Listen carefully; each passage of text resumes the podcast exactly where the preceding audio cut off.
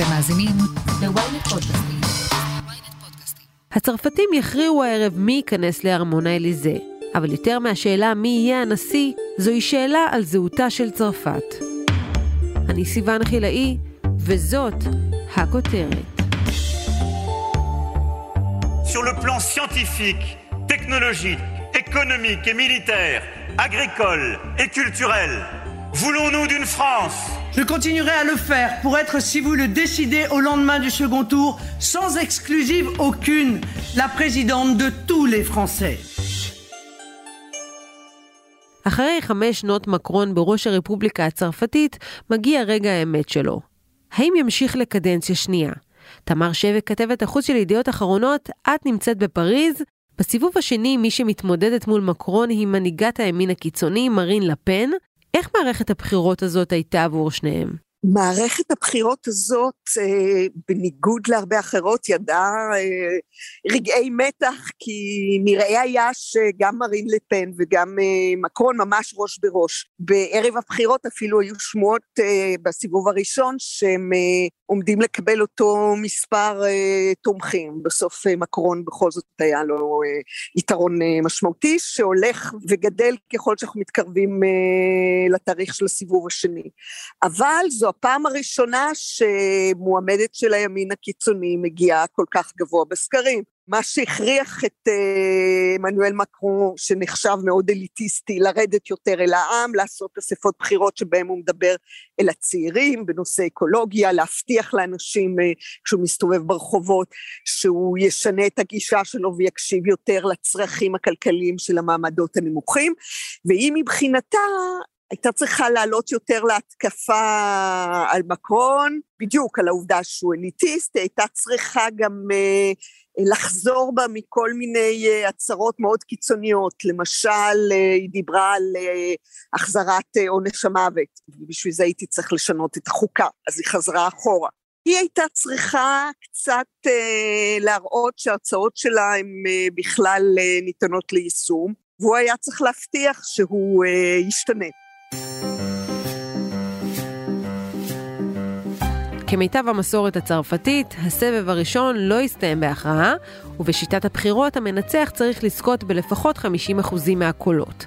בסיבוב הראשון הנשיא מקרון זכה ל-27% מהקולות, ואחריו לפן עם 23%, אבל לקראת הסיבוב השני, נראה שמקרון מגדיל את הפער. כך זה נראה, אבל אה, לעולם אין לדעת, זה סרט מתח. כרגע כמעט כל יומיים הוא הצליח להרוויח עוד אה, חצי נקודה ועוד חצי נקודה. 72 מהבוחרים ששואלים אותם, זאת אומרת גם כאלה שלפן אומרים שהם חושבים שהוא ימשיך לקדנציה שנייה. אבל אה, דווקא בגלל זה, דווקא בגלל השאננות הזאת, ובעיקר, שוב, אחוזי ההימנעות הגדולים, אה, הכל יכול לקרות. רגע לפני הסיבוב השני במרוץ הנשיאות, הצלם הרשמי של מקרון פרסם סדרת תמונות מאחורי הקלעים, שבהן הוא נראה נינוח ומשוחרר מהרגיל, בלוק של ג'יימס בונד. מהצד השני, לפן מסתבכת אחרי חשיפת דוח חדש של סוכנות האיחוד האירופי למלחמה בשחיתות, שמאשים אותה, את אביה ואנשיהם, בניצול לא חוקי של 620 מיליון יורו מכספי קרנות אירופאיות. לפן מצידה מכחישה, ועם הרוחות הסוערות סביב השניים, ברביעי בערב הם עמדו אחד בפני השנייה בעימות אחרון. Vous dépendez du pouvoir russe et que vous dépendez de M. Poutine. Parce que quelques mois après avoir dit cela, Madame Le Pen, vous avez contracté un prêt. C'est ça le problème, Madame Le Pen. Euh, parce que euh, il a accès à l'intégralité euh, des informations des services. euh, עימות français. כאן בצרפת הוא דבר מאוד חשוב. זה מין מסורת כזאת של אה, 15 מיליון איש ש, ש, שמתעניינים בעימותים, חלק גדול מהבוחרים כבר הצהירו ו- שזה מה שעזר להם להחליט אה, ברגע האחרון.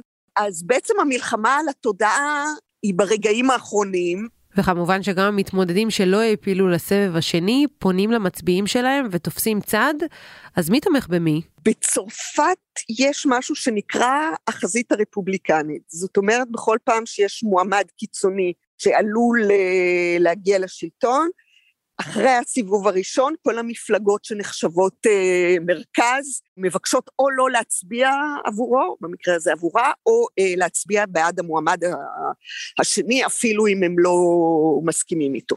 ולכן מפלגת הרפובליקנים, מפלגת הסוציאליסטים והמפלגה הירוקה, הרבה ממפלגות המרכז האחרות, כולן uh, קראו להצביע בעד עמנואל מקרו, שני הנשיאים לשעבר, uh, סרקוזי שהוא רפובליקני והולנד שהוא סוציאליסטי, גם הם uh, קראו להצביע בעד uh, מקרו. אריק זמור כמובן קרא להצביע בעד מרין לפן, הוא יותר קרוב אליה בהשקפותיו, והחלק המעניין הוא כמובן המועמד שהגיע למקום השלישי, שהוא ממליך המלכים, כמו שאומרים בפוליטיקה, ז'אן לוק מלנשון, שהגיע באחוז אחד פחות ממרין לפן, וכמעט העפיל אה, לסיבוב השני. עכשיו, רוב הבחורים שלו הם צעירים, והם גם אלה שנמנעים הכי הרבה. אז מלנשון בערב הבחירות כשהוא ראה שהוא מפסיד, אמר, אני מבקש, הוא אמר את זה שלוש פעמים, לא להטיל אפילו לא כל אחד לקלפי בעד הגברת לפן. הבוחרים שלו, לפחות שליש מהם כנראה, מתכוונים בכלל לא להגיע לקלפיות. ולכן, לפני כמה ימים, הוא יצא ב... באסטרטגיה אחרת. מאחר וביוני יש עוד סבב בחירות, שהפעם הוא לאספה הלאומית, שזה בעצם אה, הרוב שמכריע את הרכב הממשלה. Insoumis et Union populaire. Et j'appelle tous ceux qui veulent rejoindre l'Union populaire, c'est-à-dire l'essentiel de son programme, à se joindre à nous pour cette belle bataille. Il y a donc un troisième tour. הוא אמר להם, תשמעו, השלב הראשון זה שיהיה זה עמנואל מקרון שנבחר לנשיא, בשלב השני תצאו לקלפיות ותבחרו באופן מסיבי בשמאל, ואז אני אהיה ראש הממשלה. אבל בשביל שאני אוכל להיות ראש ממשלה ולממש את המדיניות שהבטחתי לכם, מקרון צריך להיבחר.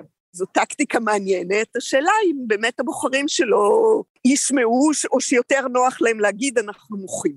מיד נמשיך עם הכותרת, אבל לפני כן הודעה קצרה.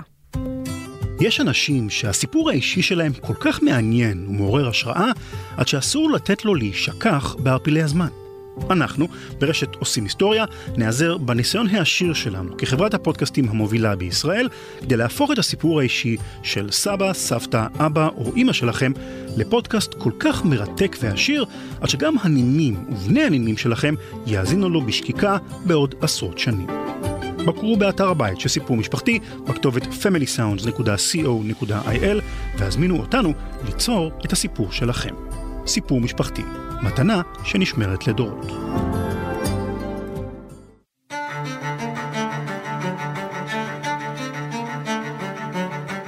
Les Français ont choisi, vous l'avez rappelé le 7 mai dernier, l'espoir et l'esprit de conquête. Le monde entier a regardé notre élection présidentielle. וזאת לא הפעם הראשונה שמקרון ולפן מתמודדים ראש בראש בסיבוב השני, זה קרה כבר בבחירות הקודמות ב-2017. אז מקרון, שחקן חדש לחלוטין בזירה הפוליטית, ניצח בנוקאוט עם 66% מהקולות. ואם שואלים את דוקטור אסתר לופטין, מומחית לאירופה מהמחלקה לשפות זרות באוניברסיטת תל אביב, הקדנציה של מקרון, בלשון המעטה, לא הייתה מהמוצלחות שבנשיאות צרפת, ובעיקר עמוסה במשברים.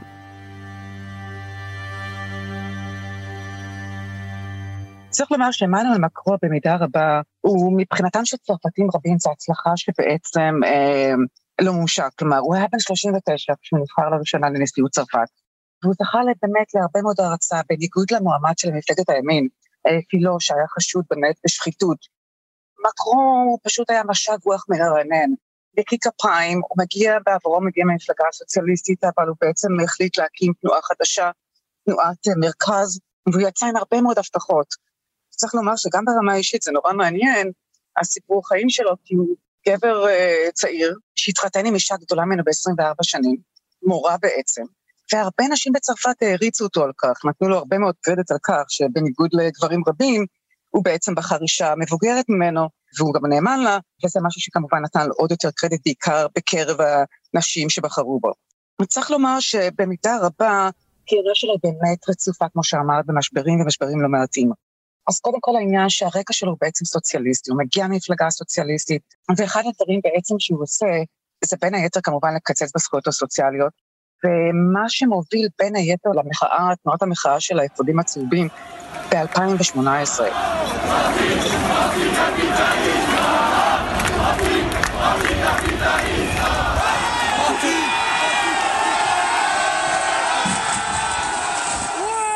איזו תנועה שיוצאת לרחובות ובעצם דורשת שמקרו יפוטר לאלתר, והם בין היתר טוענים שהם יוצאים לרחובות בגלל יוקר המחיה והעלייה של מחירי הדלק, אה, והם דורשים בעצם את העלאת שכר המינימום, וכמובן תנאים יותר טובים לפנסיה. ההפגנות האלה דוכאו בצורה, אה, אלימות שהופעלה כנגד המפגינים הייתה מאוד מסיבית, ואפילו האו"ם במרץ 2019 ביקש בעצם לחקור את ה, בעצם ההתנהלות של המשטרה הצרפתית ושל אה, כמובן מקרו בנוגע לאותם מפגינים. האכזבה המרכזית ממקרון הייתה אי היכולת שלו לעמוד בהבטחות הבחירות המרכזיות שלו. לדאוג לכל תושבי צרפת, ביוקר המחיה, באיכות הסביבה, בשיפור החיים עצמם. במהלך הקדנציה הוא צויר כנשיא של פריז בלבד, המנותק משאר חלקי צרפת. בעיקר מהאזורים הכפריים, אבל גם משאר הערים הגדולות, משטרסבורג שבצפון ועד מרסיי שבדרום. אז בעניין הסוציאליסטי הוא אכזב הרבה מאוד בוחרים, מכיוון שהוא לא הצליח אה, להגן בעצם על מעמד הביניים. בנושא של איכות הסביבה, גם שם הוא הבטיח ב-2017, בניגוד לטראמפ שהבטיח to make America great again, בעצם מקרו מבטיח לעשות את our planet great again. אבל מה שמעניין, לפי דוחות של האיחוד האירופי, אנחנו יודעים שבעצם צרפת היא המדינה היחידה באיחוד האירופי שלא עומדת בסטנדרטים שהאיחוד האירופי הציב לו מבחינת אנרגיה מתחדשת. בנושא שוויון מגדרי וזכויות של נשים, אז ראינו שהרבה מאוד ארגוני נשים טענו כנגדו שהתקציב שהוא אה, הקדיש לנושא של אלימות כנגד נשים ונשים בכלל היה מאוד זעום, וזה משהו שהכעיס הרבה מאוד נשים.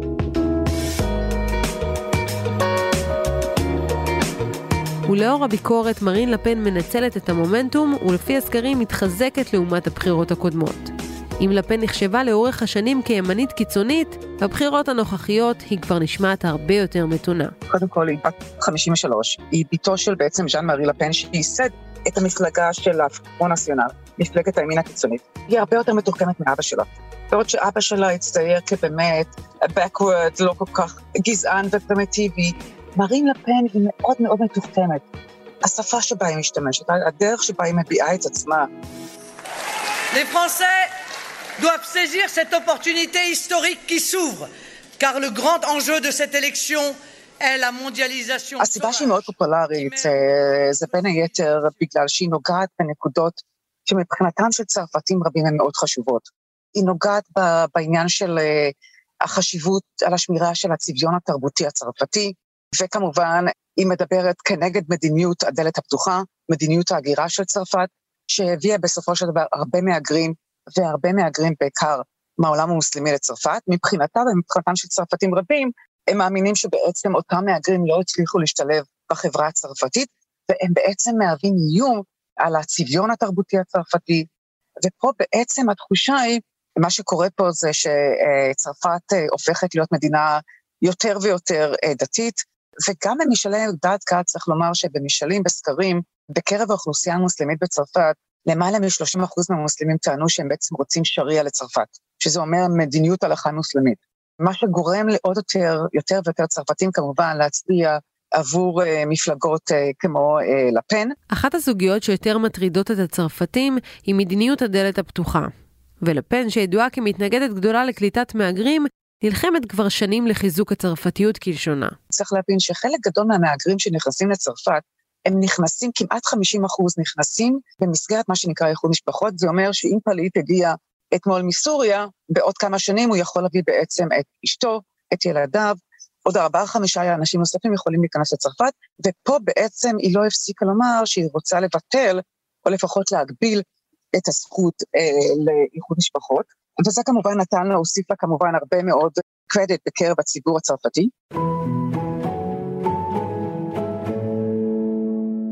בשנים האחרונות לפן הופכת ליותר ויותר ממלכתית. טוב, נו, היא רוצה להיכנס לארמון האליזה. בסיבוב הראשון של הבחירות היא בהחלט נשמעה יחסית מתונה. והכל הודות לאריק זמור, אחד המועמדים שנחשב לקיצוני במיוחד. ובכלל, החלום שלה להפוך לנשיאה מתחיל להיראות יותר ויותר לגיטימי בעיני הצרפתים, שנעים לכיוון הימין הקיצוני, אבל גם לשמאל הקיצוני. אנחנו רואים שבבחירות האלה, מי שבעצם מנצח זה השוליים בעצם, זה מפלגות הקיצוניות, הימין הקיצוני, השמאל הקיצוני. 65% מהקולות בעצם בצרפת, הם הולכים בעצם למועמדים מהימין הקיצוני והשמאל הקיצוני. וזה אומר משהו בעצם על הפוליטיקה הצרפתית, אבל לא רק לגבי הפוליטיקה הצרפתית, אלא לגבי הפוליטיקה האירופאית, שהיא הופכת להיות הרבה יותר אה, מקוטבת. ומה שמעניין כשמסתכלים בעצם על האג'נדה של מרין לפן, מועמדת של הימין הקיצוני, לעומת האג'נדה של מלנשון, שהוא בעצם מועמד של השמאל הקיצוני, יש הרבה מאוד נקודות חיבור ביניהם, ובייחוד בכל מה שקשור לעניין הסוציאליסטי.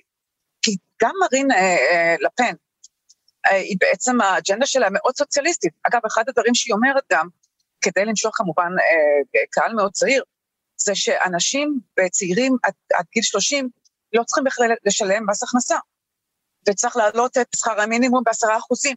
ולכן אנחנו רואים שכמובן העניין הסוציאלי הוא כמובן מאוד מאוד חשוב להרבה מאוד צרפתים, אבל בשורה התחתונה זה אומר שהמרכז מאבד בשנים האחרונות יותר ויותר בוחרים, ובעצם מפלגות המרכז הן הולכות ונעלמות.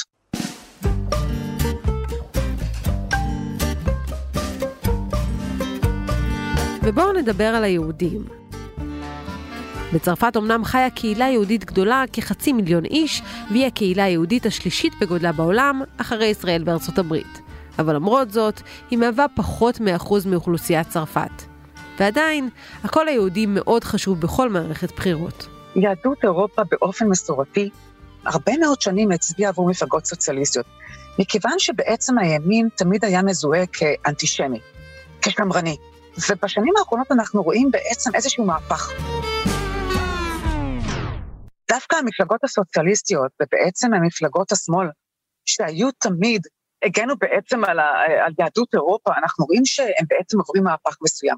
והיום בעצם מי שנחשב ומסתמן כמגן ונלחם כנגד תופעות כמו אנטישמיות, זה יותר הימין האירופאי.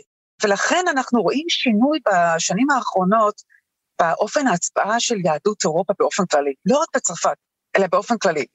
ויותר ויותר יהדות אירופה מצביעה יותר למפלגות ימין, ואפילו ימין קיצוני הייתי אומרת. ויש את עניין החילוניות, הנושא שמטריד יותר מכל את הצרפתים.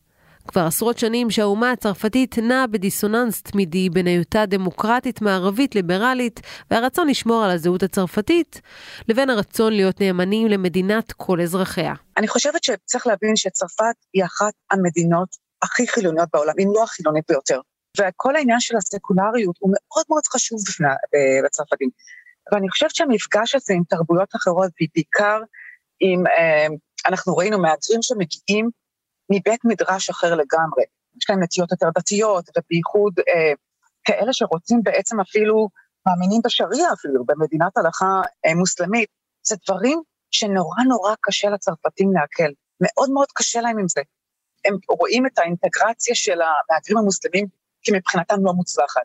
בייחוד הרבה מאוד פיגועי טרור שכמובן היו באירופה, אבל הם רואים את זה כמובן כאיום בעצם על הצביון הצרפתי, על התרבות הצרפתית והחילוניות הצרפתית. ואחד הדברים שמרין לפן רוצה בעצם, וגם אריק זמור מדבר על זה, לא לאפשר לאנשים ללכת עם חיג'אב, לא לאפשר אפילו ללכת עם כיפה בבתי ספר. מבחינתם המפגש הזה הוא מפגש בעייתי, ולכן הם רוצים לשמר על התרבות הצרפתית, על הרוח הצרפתית, ואלה דברים שמאוד מאוד חשובים על הערכים של הרפובליקה הצרפתית. דוקטור אסתר לופטין, תודה רבה לך. תודה רבה לכם. היום בשמונה בערב שעון צרפת, עם פרסום המדגמים הראשונים, הרפובליקה תגלה מי ייכנס לארמון האליזה. תמר שבק, כתבת החוץ של ידיעות אחרונות, מה תהיה המשמעות עבור צרפת בזהות הנשיא או הנשיאה? בואי נתחיל במרין לפן, כי המשמעויות הן הרבה יותר דרמטיות. Moi, je suis contre l'interdiction. Pour, euh, euh, je suis pour l'interdiction du voile dans l'espace public. Je l'ai dit, je l'ai dit de la manière la plus... קודם כל, מרין לפן היא אנטי-אירופאית, אבל היא מבינה שהיא כבר לא יכולה אה, אה, לצאת מאירופה, כמו שהיא רצתה במערכות הבחירות הקודמות, ככה הציעה, ולכן היא בעצם מנסה לנטרל את אירופה. זאת אומרת, היא רוצה להעביר חוק שכמו ויקטור אורבן, החוקה הלאומית תהיה יותר אה, חשובה מהחוקה האירופאית. היא רוצה לא לצאת מנאטו, כי שוב היא לא יכולה, ולצאת ממפקדת נאטו, זאת אומרת להחליט לבד מתי מצטרפים ומתי לא. המצע הכלכלי שלה הוא לא ממש ברור וניתן ליישום. כלומר, מדובר בבידוד אה, צרפת בהשפעה רוסית מאוד גדולה, כי תמיד הייתה קרובה לפוטין. היא כבר יצאה בהכרזה שאחרי שתסתיים המלחמה היא ממליצה שנאט"ו יתקרב חזרה לרוסיה. זאת אומרת, אנחנו נראה כאן אה, גם אה, כלפי חוץ וגם כלפי פנים אה, סוג של התכנסות וניהול די מפוקפק, כי אין סבירה מספיק אנשים שיש להם ניסיון וההתכנסות הזאת כלפי פנים, כלפי המדיניות אה, שנשמעת אה, להרבה צרפתים מאוד טובה, מה שחשוב זה לא מה שקורה באוקראינה, אלא מה שמדאיג אתכם, היא רעיון שהוא מאוד אה, פופוליסטי ומאוד אה, מפתה, אבל בסופו של דבר הוא עשוי להיות מתכון לאסון. עכשיו בואו נדבר קצת על אה, מה יקרה אם עמנואל אה, מקרו ימשיך. I think that the dynamics, the historical dynamic of Europe have always been about positive dynamism, about new projects, about willingness to... אנחנו נקבל קצת uh, מאותו דבר, כי uh, בכל זאת כשנשיא uh, איכשהו מתחיל לייצר שיטה ומדיניות, אה, מאוד אה, קשה לחזור אחורה. הוא הבין, אה, מקרו, שחלק מהגזרות הכלכליות שלו, שמבחינתו נועדו לשמר את עתיד צרפת מבחינה כלכלית, כי, כי מה החובות שלא משלמים עכשיו, ילדינו ונכדינו ישלמו. אבל הוא מבין שזה לא עובר, אז הוא יצטרך אה, להקשיב מאוד ולעשות שינויים במדיניות האקולוגיה, כי זה הדבר שהכי חשוב לצעירים בכל הסקרים וגם במה שהם אומרים כשהם מפגינים. מבחינת יחסים בינלאומיים, אני חושבת שהוא עדיין ירצה להיות הדמות הדומיננטית באירופה.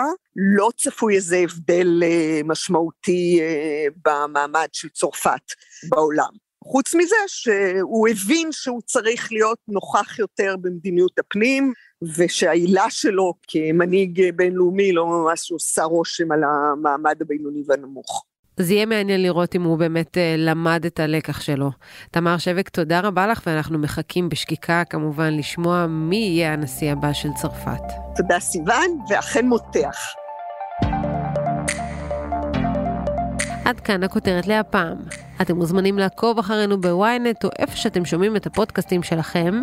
אם זה קורה בספוטיפיי או באפל פודקאסט, אתם מוזמנים גם לדרג אותנו ולהזין לפרקים עולמיים נוספים, כמו הרומן שלנו עם מרוקו. כתבו לנו מה דעתכם על הפרק בקבוצת הפייסבוק שלנו פודקאסט להמונים, וכמובן, אל תשכחו לשלוח את הפרק לחבר שעדיין לא שמע את הכותרת של היום. עורך הפודקאסטים הוא רון טוביה, גיא סלם סייע בעריכת הפרק, על הסאונד ניסו עזרן.